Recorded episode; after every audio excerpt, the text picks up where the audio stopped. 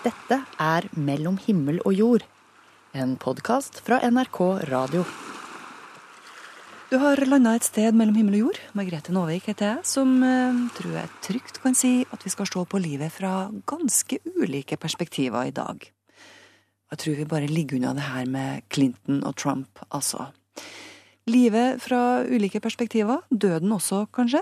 For det er visst flere og flere som tør å si at de har vært i kontakt med døde.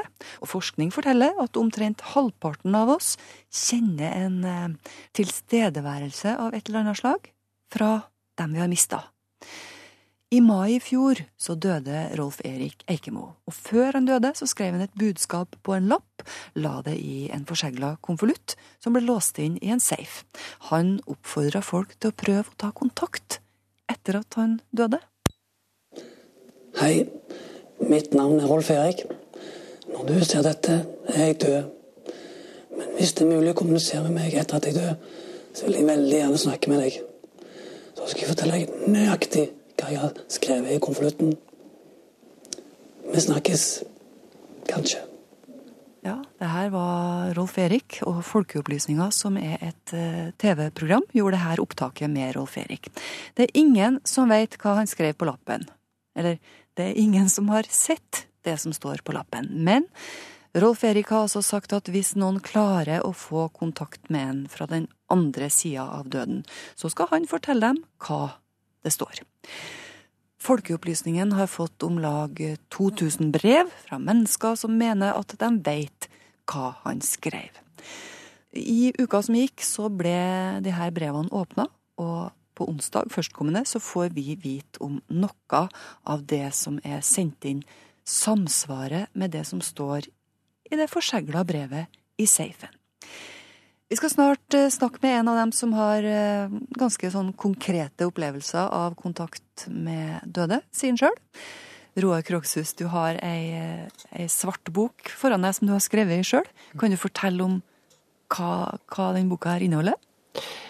Ja, det er beskjeder til meg fra de som eh, har stått meg nær, eh, slekt og venner, faktisk, som eh, er over på den andre sida, som har kommet igjennom og ja, ville si, si, noe til meg. Ja, altså dem som ikke lever lenger. Ja. ja. Det her skal vi snakke mer om, men nå, Roar, skal du få ta en slurk av vannglasset ditt og rigge deg til, mens vi slipper til en silent storm. Silent Storm med Carl Espen hørte vi her. Roar Krogshus han kom akkurat seilende inn i studio her, rett fra 50-årsjubileum for siviløkonomutdanninga i Bergen. Og Roar han har eh, fortalt meg at han alltid har hatt en dragning mot penger og økonomi. Han har bistått gründere og småbedrifter med økonomisk styring i arbeidslivet sitt, men etter klokka fire så har det vært mer åndelige aktiviteter. Nå er Roar pensjonist, og da blir det mindre økonomi og mer åndelighet. Vi hørte før musikken her at, eh, at du har ei bok med beskjeder fra folk som eh, er døde, da. Hva kan en sånn beskjed være? Det kan være en eh, støtte i eh, det som jeg gjør i dag. En takk for en innsats som jeg ikke var klar over at jeg gjorde. Det kan være en eh, bekreftelse på at de følger med meg, altså et bevis på det. At eh, de som sto meg nær, de, de, på et eller annet nivå så følger de med. Men, men hvordan får du den beskjeden, da? Sånn helt konkret? Ja, det er jo at et medium eh, si til meg at eh, vedkommende som har med noe, som de beskriver, har en beskjed til meg. Mm. Ja, for det, er aldri direkte til deg, liksom? Det er alltid gjennom en annen person, eller? Ja, det er gjennom en annen person. Eh, når det kommer Altså, jeg, jeg, tror jo at jeg får direkte, og, men jeg klarer ikke gjennom en sånn tanke som slår ned i meg som Oi, kanskje jeg skal gjøre det, og nå fikk jeg lyst til å gjøre det. Men jeg vet ikke om det er intuisjonen min, logikken min, eller hvor kommer impulsen intuisjon fra? Og, og, så, jeg, så, jeg, kan aldri være sikker på det, så derfor tør jeg ikke si at, at jeg er sikker på at en beskjed eller en impuls, en intuisjon jeg har fått, er fra den andre sida. Eh, Nei, for jeg hadde jo villet sagt ja, men Roar, her er jo bare noe som du går og tenker på, og så får ja. du en bekreftelse på at eh, ja, det er greit det jeg gjør, eller det er riktig det jeg tenker, og sånn. Ja, og sånn tenker jeg òg. Mm. Så derfor så tror jeg ikke på det. Nei, men, men tror du på et medium, da? Ja. Hva er annerledes med det? Fordi La meg ta et eksempel, da. Mm. Et medium som eh, Jeg var sammen med andre mennesker, så jeg var litt nysgjerrig. Og så eh, sier mediumet har en person som eh, eh, gikk over i en alder sånn og sånn, og, og beskriver utseendet sånn og sånn, og som en nær venn av en av dere. Eh, og så er budskapet at han, da han mista sin kone For det beskrives at denne personen også mista sin kone i kreft og var veldig langt nede. Og han, eh, han bodde i Trondheim, jeg bodde sørafor. Og så ringte jeg til henne, og da hadde jeg ikke snakka med henne på mange år. Og da forteller denne, dette medium at den det gjelder, har vært langt borte borte fra, men sto nær i, i ungdomstida. Og da, da vedkommende ringte, så var det en veldig god støtte at også den som sto nær, men ikke har vært i kontakt på mange, mange år, ringte opp. Og, det, og så kjente jeg på kroppen min, egentlig, altså en sånn, fikk en sånn grøss at oi, den der var til meg, og så kom det noen tårer, og så skjønte jeg oi, det var han, ja. Ja, eh, riktig, jeg ringte den gangen, eh, for jeg fikk vite at kona døde. Så. Mm. Og så kommer det gjennom og, og forteller at dette betyr veldig mye, og jeg hadde egentlig glemt eh, saken, for jeg, ja, det, det var ikke sånn stor sak for meg, men jeg hadde bare lyst til å trøste den. Nå vet jo ikke jeg hvordan dette foregikk, men, men, det mediumet da, som, ja. som formidla kontakt, ja. eh, visselig, mm -hmm. han han begynner jo å snakke Dette her er jo en veldig vanlig oppfatning. Ja. Han begynner å snakke til en forsamling. Ja. Og så er det noen som føler seg truffet. Ja. Og så kan du bygge litt på de reaksjonene du får, ikke sant? Ja. Så kan det ikke like gjerne være en kontakt mellom deg og mediumet som en kontakt mellom mediumet og den døde, liksom? Eh, egentlig så er det utelukket for dem. Han beskriver noe som eh, mediumet ikke vet om. Ja, men det, den informasjonen, hvis den kommer en annen plass fra, så kan den jo like gjerne komme fra deg? Eh, ja, men han eller det fenomenet hadde ikke vært i tankene mine overhodet. Så, så Men eh, for meg så høres det like sannsynlig ut at, at, det skal komme fra deg, da, som at det skal komme fra en død person. Fordi okay. du har jo informasjon i deg, sjøl om du ikke husker det akkurat da. Ja. Så hvis det går an å ha kontakt med døde, så må det jo gå an å ha kontakt med den i rommet òg, skulle en tro, som har informasjon. Eh, kan vi være sikre på at det er den døde? Nei, du kan aldri være sikker. men du alle. føler deg overbevist? Ja. ja. ja men, men, hvorfor er det viktig å ha kontakt med dem som ikke er her lenger? Det, det viktigste er å få en bekreftelse på at det finnes ingen død. Mm. Ja, det er det. Og å få en uh, bekreftelse på at de følger med. De vet noe om meg. Og de eh, tenker og vil det beste for meg, eh, men skal ikke rote seg borti livet mitt, for å si det sånn. Men de vil kanskje gi meg impulser og en klapp på skuldra, eller ja, en impuls til å manøvrere i livet mitt. Jeg legger merke til at du sier ikke uh, han er død, han har gått over til den andre sida, sier du? Ja, for det er oppi bevisstheten min. Jeg tror jo ikke det finnes noen død. er det fordi du ikke ønsker det, eller?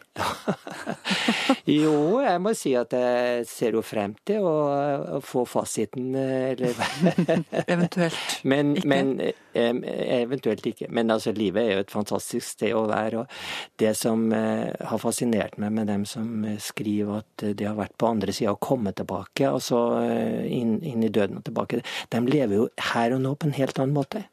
De er, de er jo ikke redd for døden, men samtidig så tar de vare på livet skikkelig. Det kan jeg skrive under på, for jeg snakka med mange som har vært veldig nær eller helt ja. i døden. De sier ja. jo akkurat det du sier. Ja.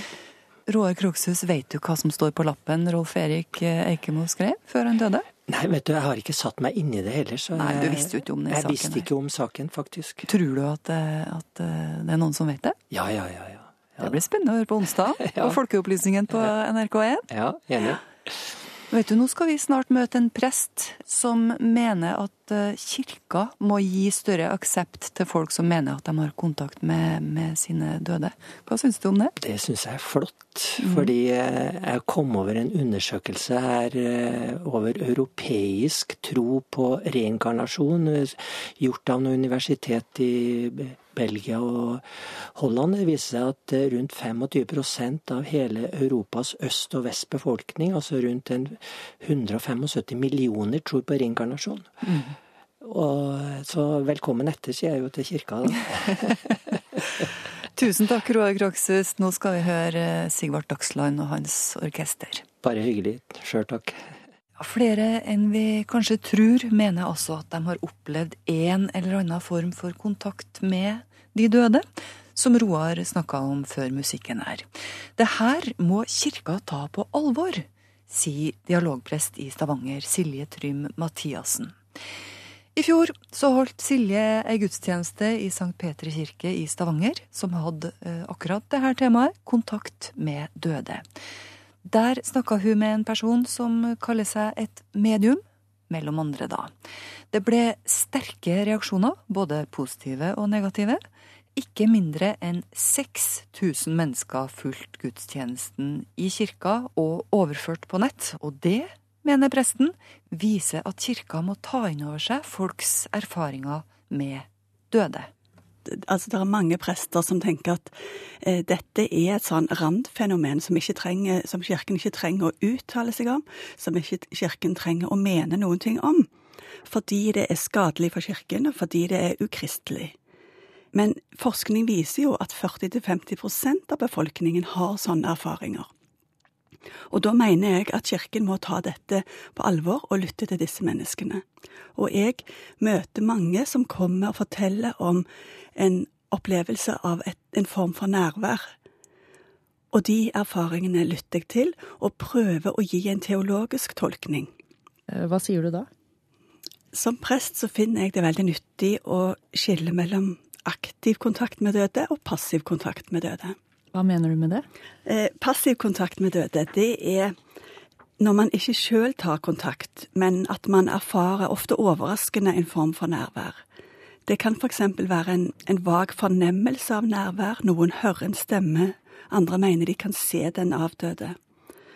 Noen mener at de har en, en følelse av at den avdøde kommer og gir dem en klem, stryker dem på skinnet.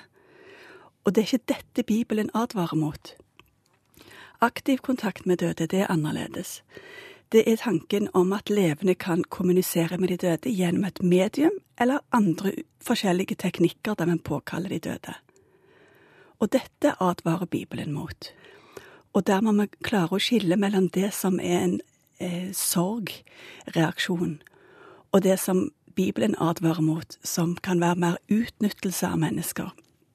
Og i vår tid en form for kommersialisering av menneskers sorg, og rett og slett underholdning, sånn som det kanskje kan oppfattes i programmet Folkeopplysningen. Jeg vil aldri anbefale noen aktiv kontakt med døde. Men tror du det går an? Det kan det egentlig ikke svare på, for verken psykologien eller teologien kan forklare disse fenomenene fullt ut. Det finnes gode teorier innen psykologi som handler om internalisering, hvor mennesker kan projisere eh, avdøde. Men ingen teorier klarer å forklare det fullt ut, og jeg kan i hvert fall ikke gi noe tydelig svar på det. Det at kirka har eh, offisielle ritualer for f.eks. husrenselse, er ikke det en, eh, et slags bevis på at også kirka tenker at de døde eksisterer rundt oss? Jeg tolker ikke det sånn, for, for meg handler det om at vi faktisk tar eh, på alvor det folk kommer og sier, at de har behov for hjelp fra kirkens side. I denne liturgien som er utarbeida, som gjerne kalles for spøkelsesliturgi, men som egentlig er en velsignelse av hus og hjem, så vil ikke kirken gå inn og gi noen forklaringsmodeller på hva dette skyldes. Noen mener det er feigt fra kirkens side ved å ikke gå inn i det. Jeg derimot mener det er en riktig framgangsmåte. For vi kan faktisk ikke vite disse tingene, og dermed blir det spekulasjoner, og jeg synes det blir feil å, å gå inn i, i sånne, den type spekulasjoner. Men hva slags tanker har du om, eh, om forholdet vårt til, til de døde da? Eh, jeg tenker at eh, døden betyr ikke en total relasjonsløshet. Døden betyr opprettelsen av en ny dimensjon. Og det å forholde seg til de døde som de ikke finnes, det er faktisk ikke en kristen tanke, men det er en sekulær tanke. Men likevel mener jeg at vi skal la de døde være i fred. Vi synger i en salme 'Nå er livet gjemt hos Gud', og det synes jeg at vi skal respektere. Men hvis de prøver å ta kontakt med oss, så er det greit? Det blir på en måte det skillet som er mellom aktiv og passiv kontakt. Jeg tror det er en hinne mellom denne tilværelsen og den som er etter livet. Og denne hinnen skal vi ikke prøve å gjennomtrenge. Men dersom de prøver å gi oss noen beskjeder, så synes jeg faktisk det blir annerledes. Men hvor ser du for deg at de er? Det vet jo jeg veldig lite om, men jeg vil si at vi må faktisk lære oss til å leve med den uvissheten. For jeg har mange ganger fått det spørsmålet Hvor er mitt døde barn? Og jeg skulle så veldig gjerne kunnet svare med den samme tydelighet som de som driver med kanalisering, som sier den døde er nå rett her, i dette rommet, ved siden av deg. Men det kan jeg ikke svare. Både fordi Bibelen sier ingenting om det, og fordi jeg har ikke erfart det. Så jeg kan ikke svare på hvor de døde er. Men jeg tror at vi må lære oss til å leve med denne uvissheten istedenfor alltid å velge de letteste eh, løsningene på svar i så vanskelige spørsmål. Ja, det sier dialogprest i Stavanger, Silje Trym Mathiassen, til reporter Ragnhild Sleire Øyen. Mellom himmel og jord, NRK P1. Jeg heter Nina Fjellheim, er rektor på Humanistskolen, og jeg tror på eh, møte mellom mennesker, på å skaffe seg opplevelser og erfaringer og hele tiden være i utvikling. Det er veldig lett å omgi seg med folk som er enige med seg og eh, som heier på deg hele tiden, mens eh, man kan lære vel så mye ved å gå inn i og møte folk som er grunnleggende uenige, og prøve å, å finne ut litt av hva, hva er det her, da. Jeg prøver å få elevene mine også til å være litt sånn, fordi at eh, jeg spilte f.eks. Mari Boine for dem, og så begynner de å le. Eh, for eh, de, det er deres liksom, initielle respons. Så jeg ikke gjør det, liksom, for da stenger du av på en måte for å gå inn i det hele tatt. Du, eh, du bare ah, 'dette var kjemperart, ha-ha', liksom. Og så har du ikke egentlig hørt etter, og du har ikke fått noe. Men hvis du i stedet tenker hm, dette var veldig annerledes, hva kan opplegget være her, hvorfor er det sånn musikk, mon tro, hva føler jeg? Altså, hvis du går litt mer inn i det og lar deg selv få ha den opplevelsen, da, så får du så mye mer ut av det. Eh, og det tenker jeg med mennesker også. Vi er veldig kjappe til å bare plassere det i en kategori som uinteressante, eller som eh, dumme, eller som eh, uvitende, eller som feil politisk, eller hva det skal være. Men jeg har veldig tro på at man lærer å også få utviklet seg selv gjennom å møte folk som utfordrer deg på de tingene du selv tror på, da. Ja, kloke ord fra rektor ved Humanistskolen i Oslo, Nina Fjellheim. Respekt er det også mange som kaller det her for eh, det ordet. Respekt, altså. Det kommer fra latin 'respicere', som betyr å se tilbake, eller se en gang til. Det lønner seg alltid. Vi skal snart uh, møte en kar som hadde et kall, og så fulgte han det. Men uh, det kosta for mye, rett og slett. Men som kjent, når ei dør lukkes, så åpnes minst ei ny. Nå byr vi på en historie om en veldig beskjeden gutt som drømte om å bli misjonær, om kroppen som sa stopp, men så dukka det altså opp nye muligheter. Einar Strøm bor på Fosenhalvøya i Trøndelag, er en jordnær sauebonde, men trives også godt med å jobbe med unge mennesker. Han er såkalt motambassadør, og blant annet miljøarbeider på en folkehøyskole. Men eh, La oss ta det fra starten. Ja, nå sitter vi faktisk eh, i det rommet som eh, jeg må innrømme har betydd mest for hvem jeg er. Det er stua hos mine besteforeldre. Men det er også her du bor nå? Ja, det er her jeg bor nå. Men hva var det du hørte her, da, siden denne stuen vi sitter i nå, har betydd så mye for deg? Nei, det var at hver dag når jeg gikk til skolen, så starta vi et kvarter for tidlig, sånn at vi hadde muligheten til å gå innom farmor og farfar på besøk. Så her var jeg hver dag eh, når jeg gikk på skolen i ni år. Og Da fikk jeg høre veldig mange historier fra livet til farmor og farfar. Og så møtte jeg to mennesker som eh, så meg som eh, unge og guttunge. En litt usikker og sjenert gutt. Mm. Og det merker jeg har betydd veldig mye for hvem jeg er. Hva slags historier var det de fortalte, da? Jeg husker jo kanskje best eh, de historiene fra krigen, andre verdenskrig. Eh, og farfar eh, ble etter hvert landpostbu. Og den usikkerheten og uroen de kjente på i forbindelse med andre verdenskrig, den husker jeg godt ennå. Så det sånn ut i den stuen omtrent den gang som det ser ut nå? Ja, det, det, gjør faktisk det. Det er en eh, gyngestol der, og så er det noe, et bord der og eh, Den gyngestolen, eh, det var ikke akkurat den samme, men på den plassen der så satt alltid farfar. Og der hadde han en, av og til en stokk. Så har du en ovn som står der, og ved sida av den var det en stol som farmor alltid satt i. Og Vi ungene satt i sofa som, står, som sto der som vi sitter nå, og, og spisebordet står der det står. Og på det spisebordet, der lå det tvist. jeg trodde du skulle si Bibelen. Ja, du trodde du skulle si Bibelen. Der lå det én tvist til hver av meg og mine søsken som stakk, stakk innom. For på slutten, da når jeg gikk i ungdomsskolen, så ble jeg skuffa en dag. Mm. Vet du hva som lå der da? En gul, gulrot. Å oh ja. ja. Det er ikke noe for en bonde? Nei, det er ikke. Nei, så da har sunnheten kommet til Lånmyrene. Men det, det gikk, det òg. Men Einar Strøm regner seg altså som en eh, kristen ungdom og hadde en eh, misjonær i magen, for å si det sånn. Det var bare én sak som eh, bekymret han veldig. Det sterkeste var egentlig at jeg var en forferdelig beskjeden gutt. Jeg vet ikke om du tror det? Nei, det tror jeg ikke på. Nei, Det er nok noen som ikke vil tro det i dag, men hvis du spør de lærerne som hadde meg når jeg gikk på grunnskolen, mm. på Brandsfjord skole, mm. så vil de si det. Eh, jeg kikka ned og snakka ikke med folk egentlig i timer. Hvordan kan en sånn gutt, som på en måte tenker at han har fått et kall av Gud til å gå ut og fortelle om Jesus til folk, hva får han problem med? Jo, han tenker jo at det er jo umulig. Hva gjør han da? Jo, jeg er på en tur fra hovedveien her og til Trondheim så ble jeg så faktisk frustrert over det at jeg var så beskjeden at jeg ikke turte å snakke med folk om trua mi. At jeg, jeg begynte å be til Gud eh, på bussen.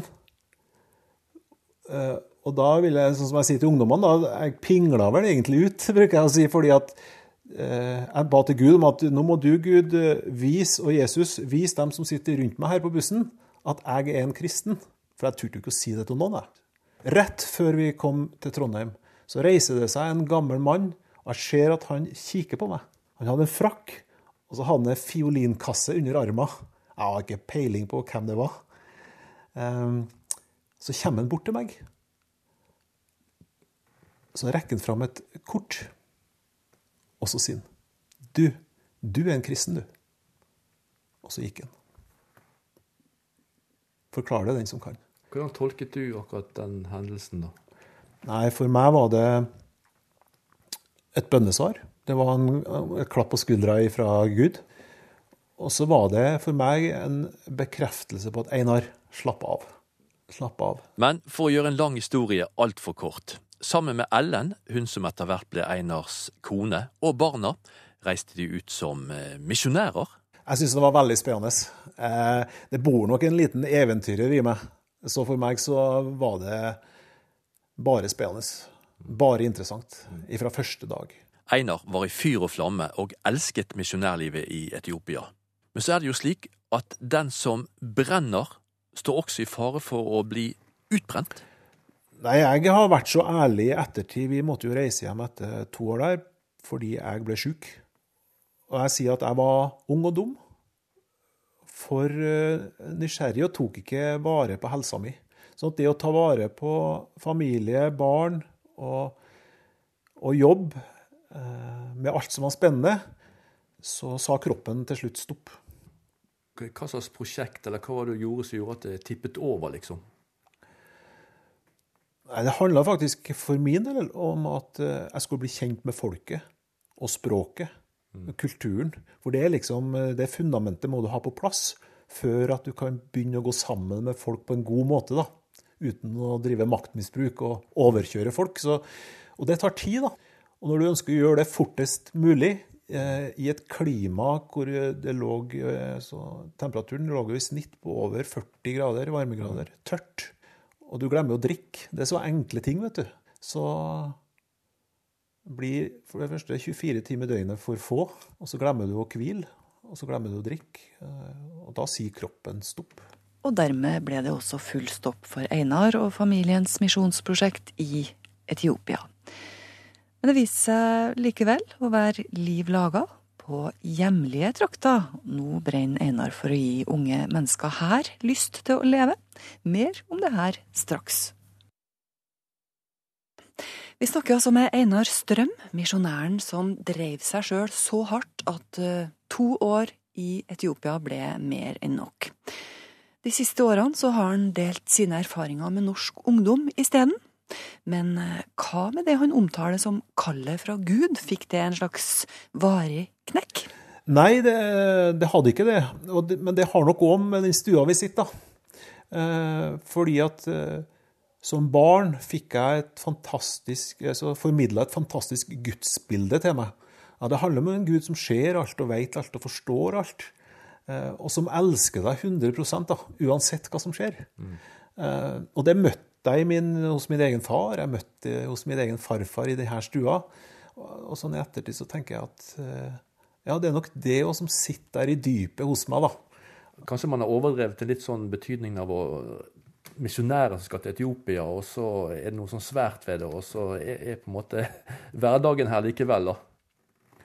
Eh, ja, eh, den er, den er det. Jeg har jo vært heldig. altså Jeg har vært sjuk på en sånn måte at jeg kunne ha holdt på med ting. Altså Jeg kunne ha jobba. Det, det tenker jeg er litt viktig. Vi er så skrudd sammen så, sånn, sånn som mennesker at eh, det at vi får bety noe for noen, får gjøre noe, det, det er viktig for oss. Så kan det hende at det henger sammen med at, at overgangen ikke blir sånn veldig skuffende for meg. Men en annen nabo som bor oppe her, før vi reiste ut, så sa han det sånn Vi trenger sånne som deg her i Norge, sa han. Hvorfor reiser du ut? Og jeg skal ikke se bort ifra det at den setningen på en måte er en, en setning som ligger der i underbevisstheten, og som gjør den overgangen eh, ikke så veldig vanskelig. Da, fordi at eh, det ligger noe der hos meg som sier at Einar, det, det er ikke hvor du er som er det, eh, det viktigste. Det er jo hvem du er, og hva du er der du er akkurat nå. Men altså, da Einar ikke ble værende i Etiopia, har han i stedet gitt seg hen til norsk ungdom. Han er stadig innom ungdomsskolen og snakker om mot, om livsmot. Og så er det disse sauene, da. Jeg er en bonde. Sauebonde. Sauebonde, og det er jeg veldig stolt over. Du vet, uten mat dør vi. Så eh, det syns jeg er veldig kjekt. Og så er jeg knytta opp til Rødde folkehøgskole. Um, Litt grann, og går, kommer og går litt blant elevene. og Der har jeg en, sånn, en visjon om å få lov til å være med og skape livsmot hos de der ungdommene som kommer dit. Eh, Hva er det du sier til ungdommene for å gi dem livsmot, da? Nei, det handler om å, å gå sammen med dem. Eh, og for meg så handler det egentlig om å formidle tre ting. Og det er at eh, du er elska, Av hvem? ikke sant? Og det må hver enkelt stille seg et spørsmål om av hvem. Forhåpentligvis da, så har de noen Og Vi driver noen spørreundersøkelser på Rødde folkehøgskole hvert år om hva som betyr mest for ungdommene. Som gir dem glede, som gir dem livsmot, som gir dem altså, takknemlighet. da. Og da kommer alltid venner eller familie øverst. Så det er klart relasjoner De har noen som elsker dem, betyr mye. Eh, Ja. Og hvis de ikke har det, så er det vår oppgave som er der, da, å la dem forstå at vi elsker dem. nummer to? Du er ønska. Du er ønsket. Eh, du er ønska av noen. Eh, å kjenne det, eh, det løfter oss alltid. Du merker det når du kommer inn hjem, om du ønsker at du er der eller ikke. Når du møter et menneske, om det har tida til deg eller ikke. Og det siste, er at jeg tror i de relasjonene våre, om det er familie, venner eller på Rødde folkehøgskole, så handler det om å formidle at du er ikke håpløs. Altså, du er verdifull. da. Det, det prøver vi å jobbe med. Få ungdommer til å forstå og få det inn under huden på en sånn måte at når de dagene kommer som er litt vanskelig og tung, så har de et fundament som forteller dem eh, at de er elska, de er ønska, og de er ikke håpløse. Og da bærer det gjennom det meste. Da. Kunne du hatt det samme budskapet til ungdom i Etiopia f.eks., eller er det spesielt for Norge at vi føler oss bare delvis elsket og delvis ønsket? Ja, jeg tror, jeg tror det er litt, litt, likt. Jeg tror kanskje det er noe jeg har tatt med meg derifra. og Det er det relasjonelle. altså Det er en kultur som, hvor fellesskapet eh, er viktigere enn det vi opplever i Norge i dag. Vi snakker jo om ensomhet. Jeg er jo vokst opp i en kultur og en tradisjon og i den stua her som var et uttrykk for det samme egentlig som jeg opplevde når vi kom til Etiopia. At familien var viktig. Storfamilien. Hver påske så kom hele storfamilien hit. Vi gikk på ski i fjellet. Vi kan være 30-40 stykker på tur sammen. Mm. Um, så ja, nei, men jeg tror det, det, er noe felles for alle mennesker, da, tror jeg. Uansett hvor i verden du reiser. Uh, og det er min erfaring. Så er de der treene du elsker, ønsker og ikke håpløs, uh, noe som alle mennesker trenger uansett hvor du befinner deg. Det sier motambassadør og miljøarbeider Einar Strøm, sauebonden på Fosen i Trøndelag, som har hatt nok å gjøre etter at han og familien måtte avbryte misjonærlivet i Etiopia. Det var Ove Gundersen som var på besøk hos Einar. Du hører Mellom himmel og jord med Margrete Nåvik. Vi tar fatt på andre runde i dagens Himmel og jord, og her var vi plutselig tilbake på 80-tallet et lite øyeblikk. Og Der henta vi en real powerballade. Det her var Slade, sjølsagt, med My Oh My. Nå skal vi til de grader tilbake til framtida igjen. Eh, som du kanskje hører, så har vi besøk. Mange vil mene at det er et spørsmål om tid før vi kan begynne å tulle med islam og med profeten Mohammed. Sånn som det var med kristendommen, vil det også bli med islam, sier mange. Begynner vi å nærme oss den tida nå? Mahmoud Farahman, du har akkurat lagt ut ei tegning av uh, Mohammed på Facebook som man kan fargelegge. ja, det har jeg. Kan du fortelle om uh, hva, hva, var det som skjedde akkurat da du gjorde det? Hvorfor gjorde du det akkurat nå? Nei, altså, jeg, Grunnen til at jeg gjorde det, var at jeg, uh, har, jeg fikk med meg og har følt med og sett at den jordanske forfatteren Hattar ble drept i bokstavelig talt henrettet på åpen gate i Jordan. For, for, å ha publisert denne tegningen, eller disse tegningene. Noe som jeg mener er helt, altså hårreisende. Jeg vil ikke beskrive det engang. Uh, men så valgte jeg å gjøre det. Uh, litt for å vise at man kan ikke sitte i stillhet og observere dette tullet. Og vi må støtte opp under disse menneskene. Vi må ikke gjøre den samme feilen nå som vi gjorde med andre som publiserte Mohammed-karikaturer en gang i tiden. For 10-15 år siden. Men tenker du at tida har forandra seg fra den gangen? Altså 15 ja. år? Ja, ja, tida har forandret seg noe. Jeg må si at uh, vi, har, vi, vi, beveger oss i riktig retning, men det skulle bare mangle også. Men hva tenker du om de her telefonene og beskjedene du får, da? Blir du urolig, da? Du har jo små barn og greier, vet du. Ja, jo, ja, altså urolig. Alle blir jo urolig på et eller annet vis, men jeg har kommet dit hen at uh, Så jeg tenker at skal vi gi etter? Skal vi virkelig backe ut og stenge dørene og ikke kritisere? Altså, hva, hva, la oss si det sånn da, hva skjer hvis vi, hvis vi, slutter å kritisere, hvis vi slutter å være selvkritiske overfor den kulturen jeg tilhører? Jeg er født i Iran, jeg er muslim selv. Eh, og hvis vi slutter å være selvkritiske overfor den kulturen, så stopper vi enhver form for utvikling. Det er gjennom selvkritikk, det er gjennom kritisk syn at ting utvikler seg. Det er også sånn kristendommen har utviklet seg, det er sånn demokratiet har utviklet seg. Det er sånn velferdssamfunnet i Norge har utviklet seg, og utvikler seg dag for dag også. Det er gjennom kritikk. Det er gjennom denne, det kritiske synet. og når vi ikke har det, så stagnerer vi. Og resultatet av den stagnasjonen, det ser vi. For det er jo ikke altså Denne manglende eh, evnen til å ta imot kritikk eller selvkritikk i Midtøsten begrenser seg jo ikke til religion. Det, det, det er, gjelder alt. Mange vil jo si at det er unødvendig å provosere. Hva, hva sier du til dem?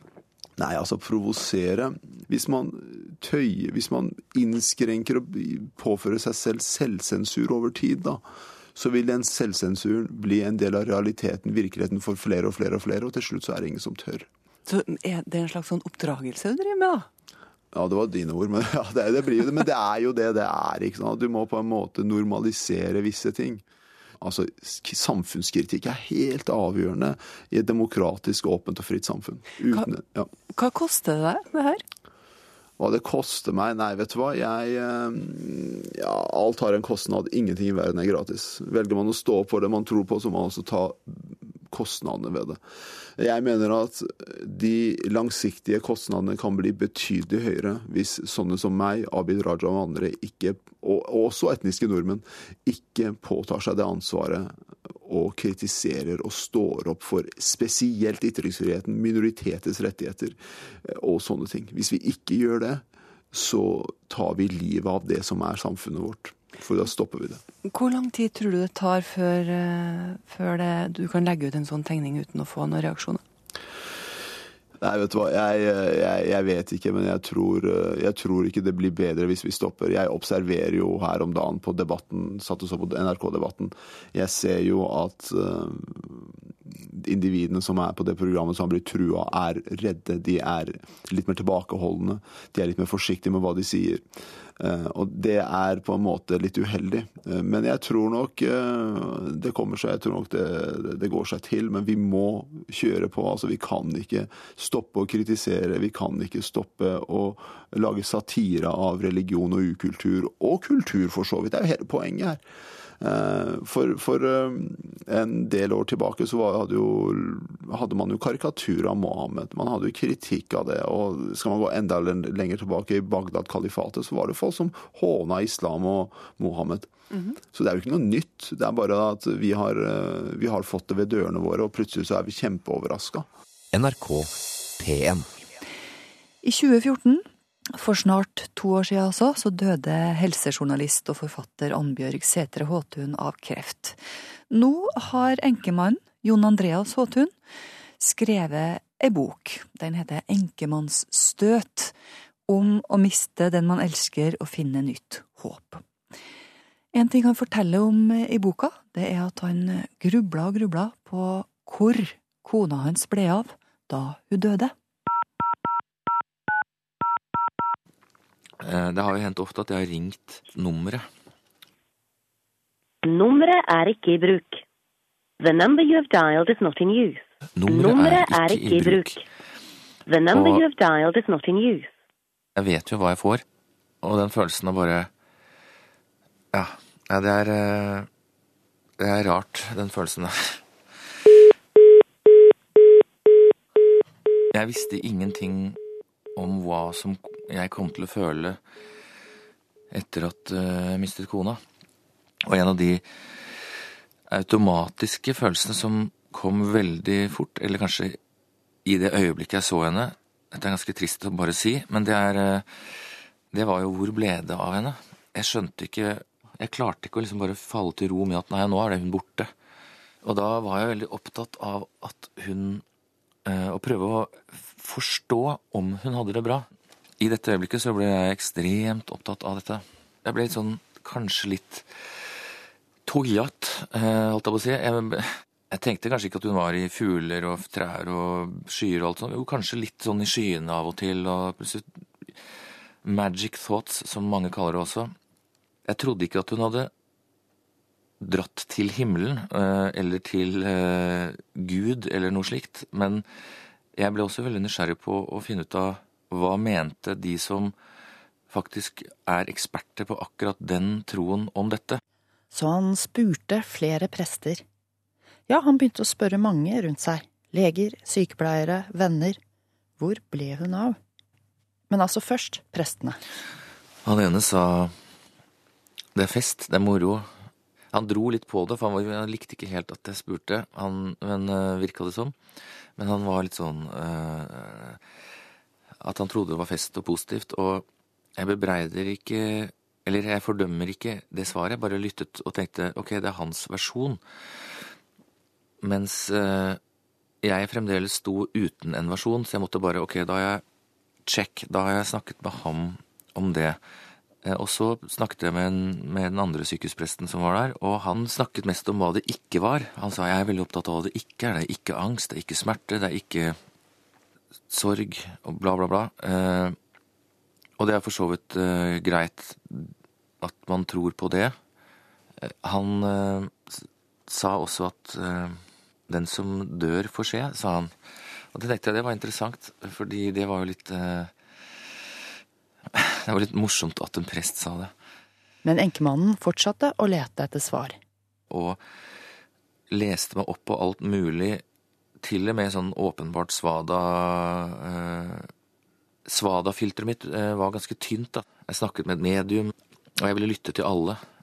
Så kommer det en venn av meg som er ateist. Han er virkelig sånn ihuga ateist, men han, han var også liksom opptatt av de samme følelsene virka det som, og sa at ja, du vet jo det at det er jo en Han måtte også rasjonalisere litt, da, og sa at det er jo en fysisk lov som sier at ingenting forsvinner eh, helt i verden. Alt bare går fra en tilstand til en annen. Da tenkte jeg ja, det er bra jeg liker fysiske lover, det er lettere enn bare tro for meg. Men han fortsatte å gruble.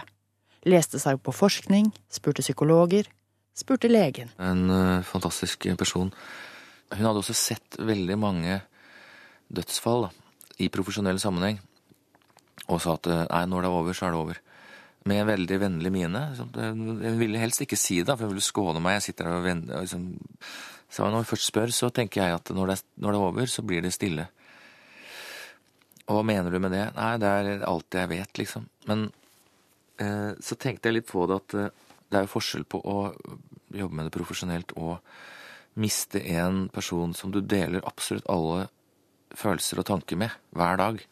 Så det Så jeg tenkte at det er ikke sikkert at hun uh, ville tenkt det, altså legen ville tenkt det hvis hun mistet en som hun var uh, sjelevenn med, men det skal ikke jeg stille diagnose på. Men poenget mitt er at jeg har jo aldri tenkt på dette før. Jeg har, jeg har jo forholdt meg uh, revnende likegyldig, er det det det heter? Jeg har forholdt meg ekstremt uh, passiv til, til hva som Eller helt passiv til det spørsmålet om hva som skjer med oss etter døden. Om det fins en gud eller ikke. Jeg har ikke vært interessert i å tenke på det, jeg har vært opptatt av det virkelige liv. Men så har det ligget en, en slags eh, brakk barnetro i bunnen.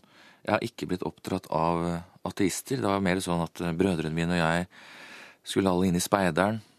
Det var ikke kristen speider, men det ligger likevel et sånn lite slør av obligatorisk, eller helt sånn åpenbar tilstedeværelse av kristendom der, da. I speiderloven skal man tjene Gud osv. Alle bare gjorde det, for det var ritualet.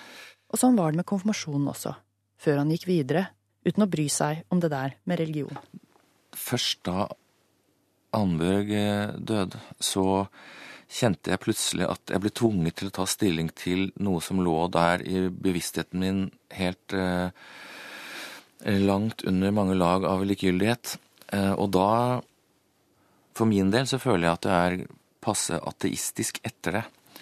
Noen velger å kanskje styrke sin tro, vet jeg, etter at det, og det er også et eh, personlig valg.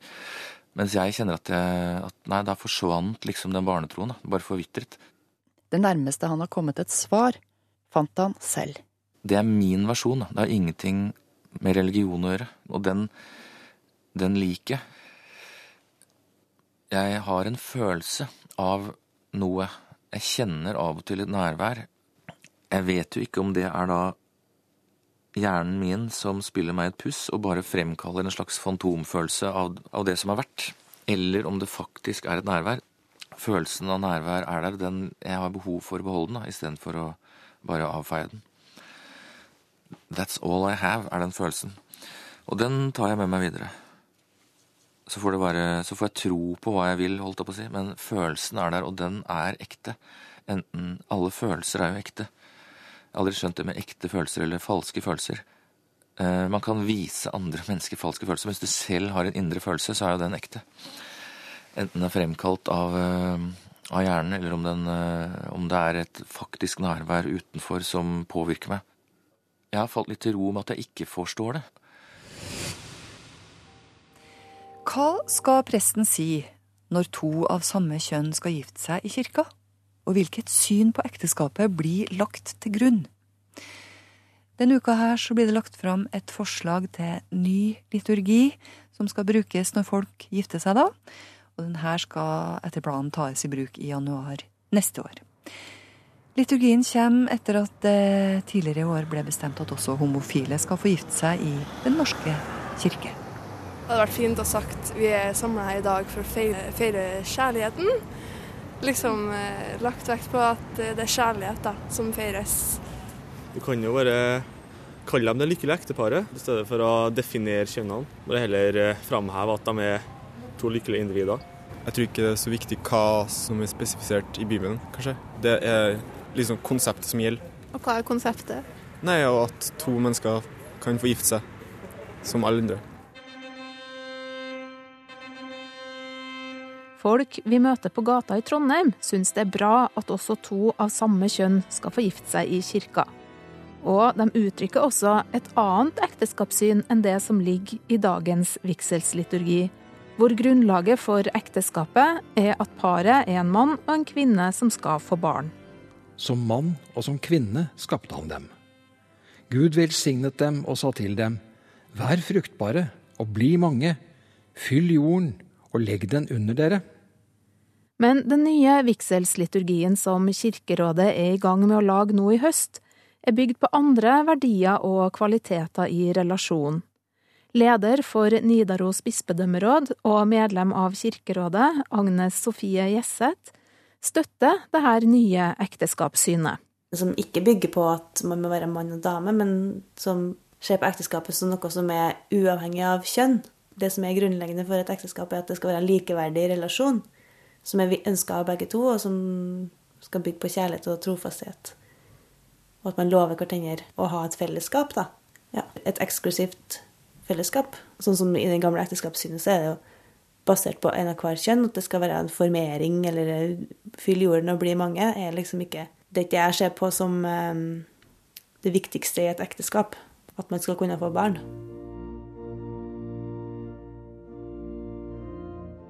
Etter at den nye liturgien blir vedtatt på kirkemøtet i januar neste år, vil det bli mulig for par av samme kjønn å gifte seg i Den norske kirke.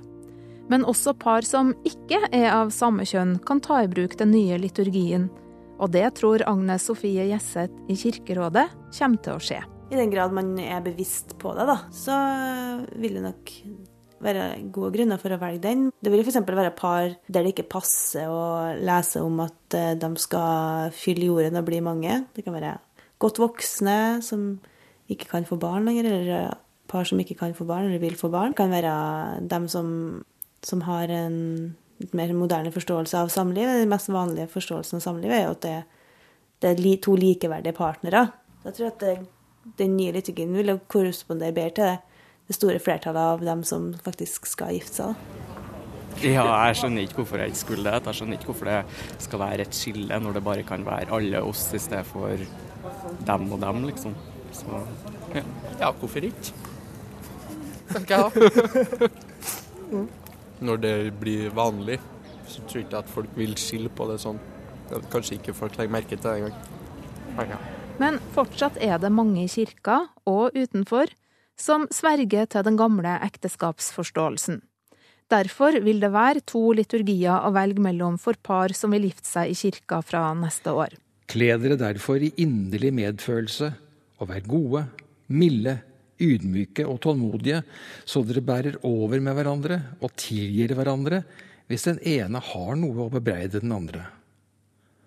Og som Herren har tilgitt dere, skal dere også tilgi hverandre. Dette er en av bibeltekstene i den nye liturgien Kirkerådet skal diskutere når de møtes til uka.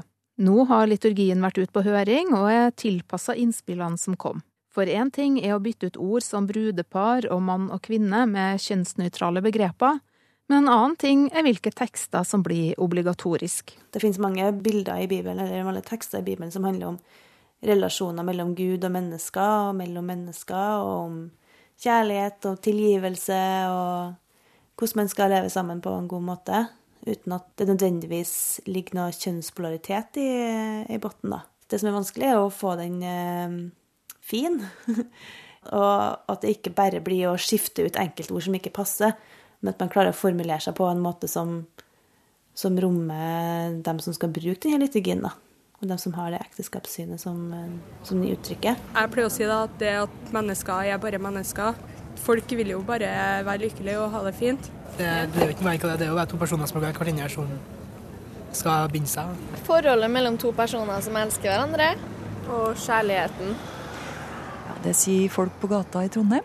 Og den nye vigselsliturgien blir altså endelig vedtatt av kirkemøtet i januar.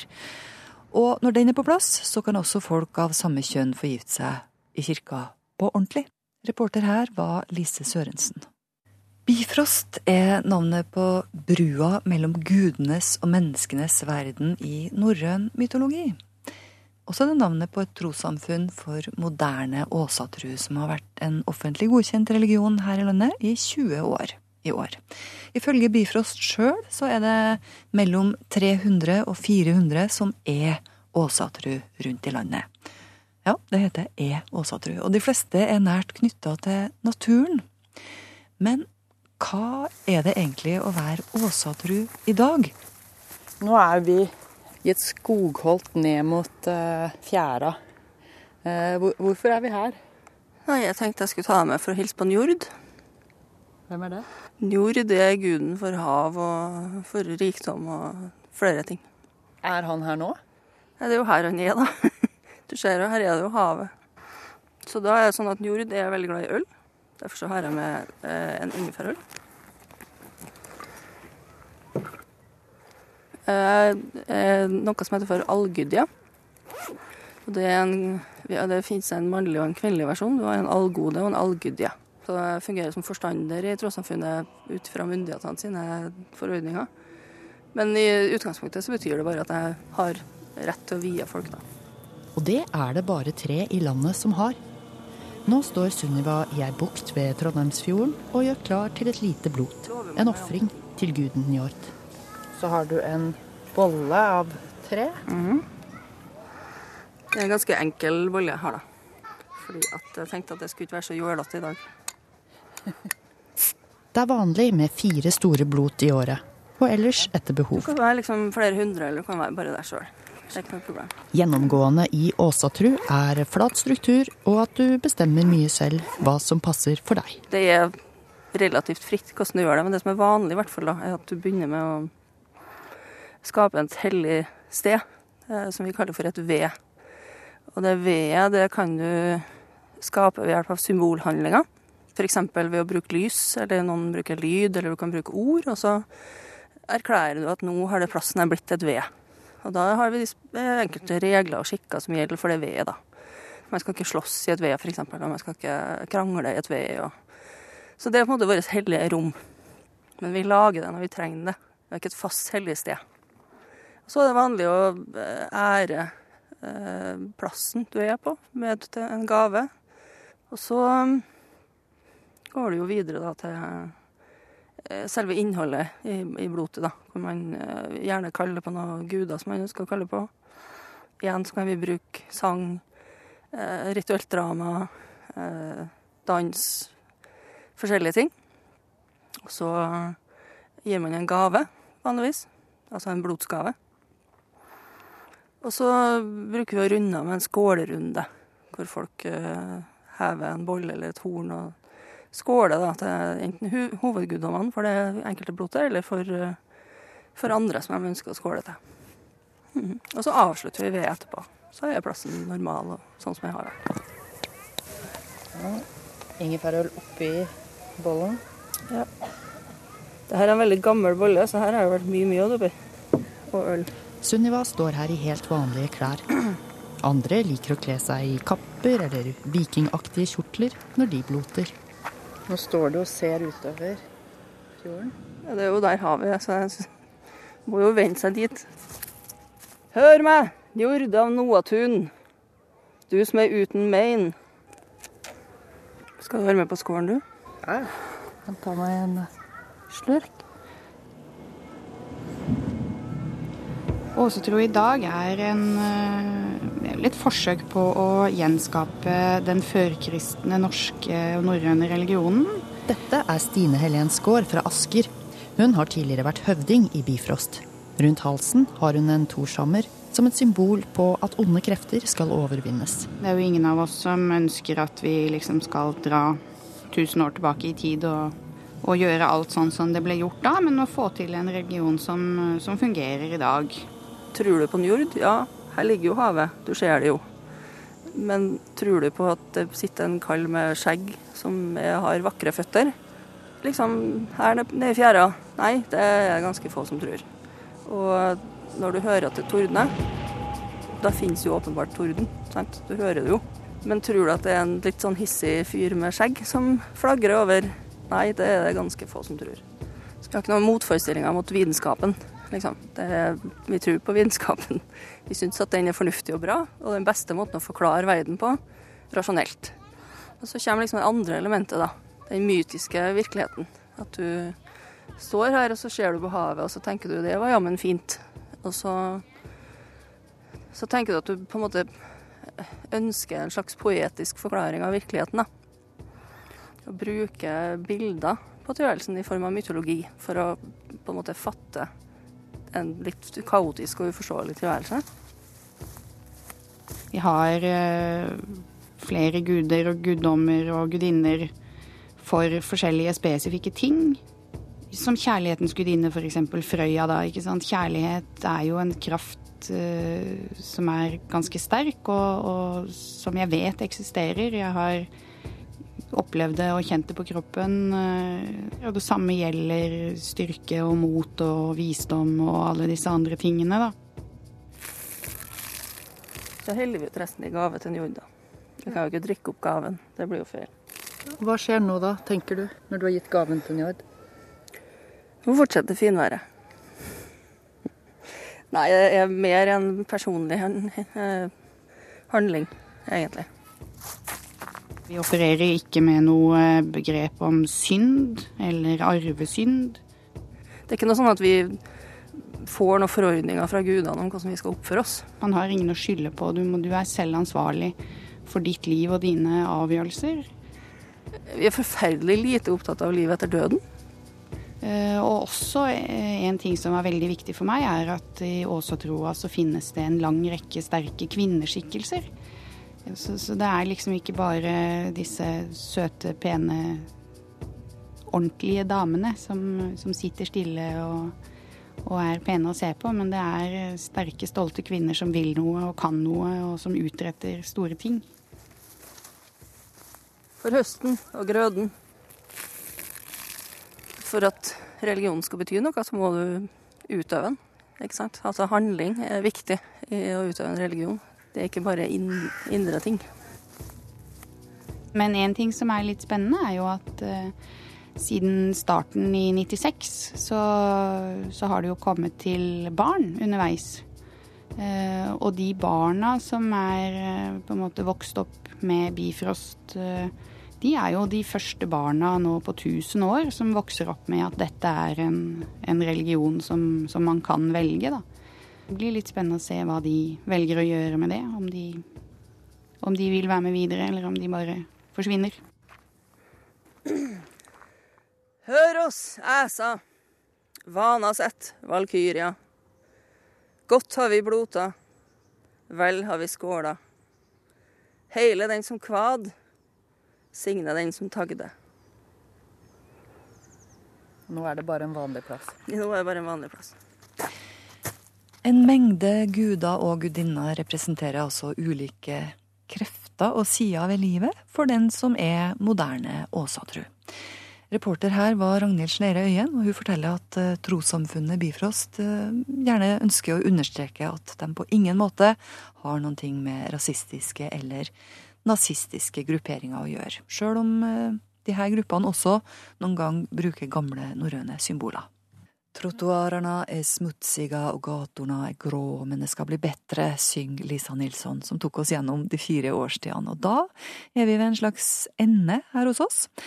Du kan eh, sende oss en e-post om du har noe på ditt hjerte. Himmel og jord, krøllalfa, nrk.no. Margrethe Nåvik heter jeg. Du finner oss på Facebook også. Der heter vi NRK Livet.